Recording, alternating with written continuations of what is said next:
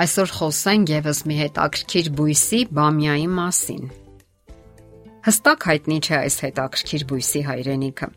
Սակայն այն լայնորեն տարածված է Աֆրիկայում, Հյուսիսային Ամերիկայում, Հնդկաստանում եւ մերձարևադարձային երկրներում։ Եվրոպայում այն հայտնվել է արաբների շնորհիվ։ Պատմությունից հայտնի է, որ բամիային օգտագործել նշանավոր Կլեոպատրան Եգիպտոսից եւ Յանկ Գոիֆեին Չինաստանից։ Բամյան ջերմասեր բույս է, ինչպես իր նմանակը Բադրիջանը։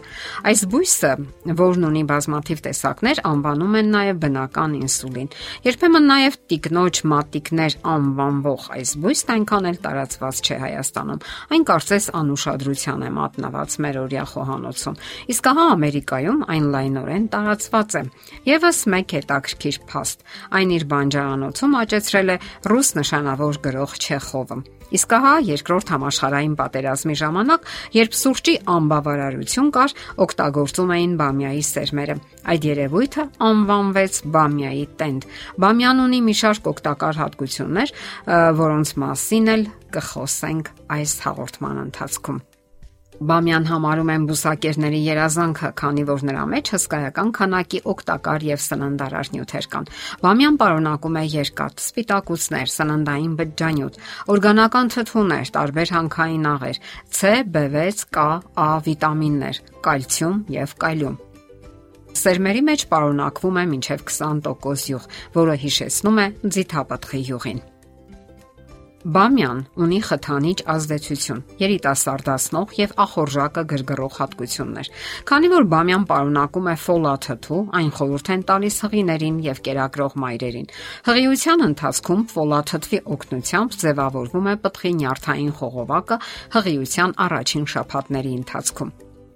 Իսկ վերջերս գիտնականների միջազգային մի խումբ եկել է այն հետևությանը, որ բամյան շատ օգտակար է նաև շաքարային դիաբետի բուժման ժամանակ։ Հայտնաբերվել է, որ սննդի մեջ կանոնավոր բամյա օգտագործելու դեպքում այս բանջարեղենը ընդունակ է փոխելու այն գեների ակտիվությունը, որոնք պատասխանատու են տվյալ վտանգավոր հիվանդության զարգացման համար։ Ուսումնասիրությունները նաև ցույց են տվել, որ ապագայում հնարավոր է բամյան օգտագործել որպես հիմք շաքարային դիաբետի դեմ դեղամիջոց պատրաստելու համար։ Հարցն այն է, որ բամյան նրա մեջ պարունակվող բուսական լորձը եւ սննդային մեծ քանակի բջջանյութը կլանվում են բարակ աղիների կողմից եւ դանդաղեցնում շաքարի ներծծումը աղիներում։ Ենթադրություններ կան, որ այս բանջարեղենը նվազեցնում է նաև քաղցկեղային հիվանդությունների զարգացումը, հատկապես հաս ստացված տաղու քաղցկեղը։ Հետազոտությունները ցույց են տվել, որ այն ընդունակ է կանխելու նաև ուղիղ աղու քաղցկեղը։ Իսկ ահա ջրային հիմքը օգտակար է դեպրեսիայի դեպքում։ Բամյան օգնում է նաև բուժելու կոկորտի ցավը, խոցերը եւ նույնիսկ թոքերի որոշ տեսակների ինֆեկցիաներ։ Խորհուրդ է տրվում ստամոք սաղիքային համակարգի հիվանդություններով տառապողներին։ Այն հիանալի սննդամթերք է նաև այն մարդկանց համար, ովքեր ցանկանում են նիհարել, քանի որ բամյան ոչ մի վնաս չի պատճառում օրգանիզմին, ունենալով ընդամենը 31 կալորիա։ Բամյան հրաշալի օգնական է այնպիսի հիվանդությունների դեմ պայքարում, ինչպիսիք են դեպրեսիան, անգինան, քրոնիկական հոգնածությունը։ Բամյան կարող է նվազեցնել նաև ասթմայի նոպաները։ Այս բույսը հատկապես օգտակար է աթերոսկլերոզով տառապող հիվանդների դիետիկ սննդակարգում։ Այս բոլորից բացի բամյան ընդունակ է ամրապնդելու մազանոթների պատերը։ Նկատվել է, որ այս բույսը մեր օրգանիզմից մաքրում ու հեռացնում է ավելորդ խոլեստերինը եւ թունանյութերը։ Բամյան կանխում է փքվածությունը, փորկապությունը, ինչպես նաեւ օգնում է ստամոքսի խոցի բուժման ժամանակ, քանի որ լորձանման նյութ կա նրա մեջ։ Կանոնավոր օգտագործման դեպքում բամյան կարող է կանխել կատարակտը, ինչպես արդեն նշեցինք, նաեւ շաքարային դիաբետը։ Եվս մի հետաքրքիր փաստ Բամյան լուծում է պոտենցիայի հետ կապված բազմաթիվ հիմնախնդիրներ։ Բժիշկները հաճախ են խորհուրդ տալիս այս հիանալի բանջարեղենը ծանր վիրահատություններից հետո։ Ինչպես միշտ, ինչպես բոլոր բույսերի դեպքում, բամյան ունի նաև վնասակար հատկություններ։